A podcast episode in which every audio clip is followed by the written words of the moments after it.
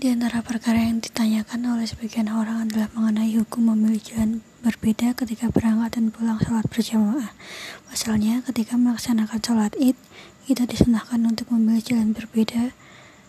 Apakah kesunahan itu hanya untuk sholat id saja atau disunahkan untuk sholat berjamaah yang lain?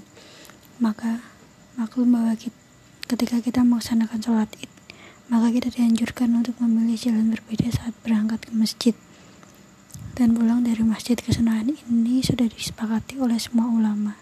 Hal ini karena berdasarkan hadis riwayat Imam Al-Bukhari dari Jabir dia berkata yang artinya Nabi Shallallahu Alaihi Wasallam ketika salat id lewat jalan yang berbeda. Di dalam kitab Al-Gunjah Syekh Abdul Qadir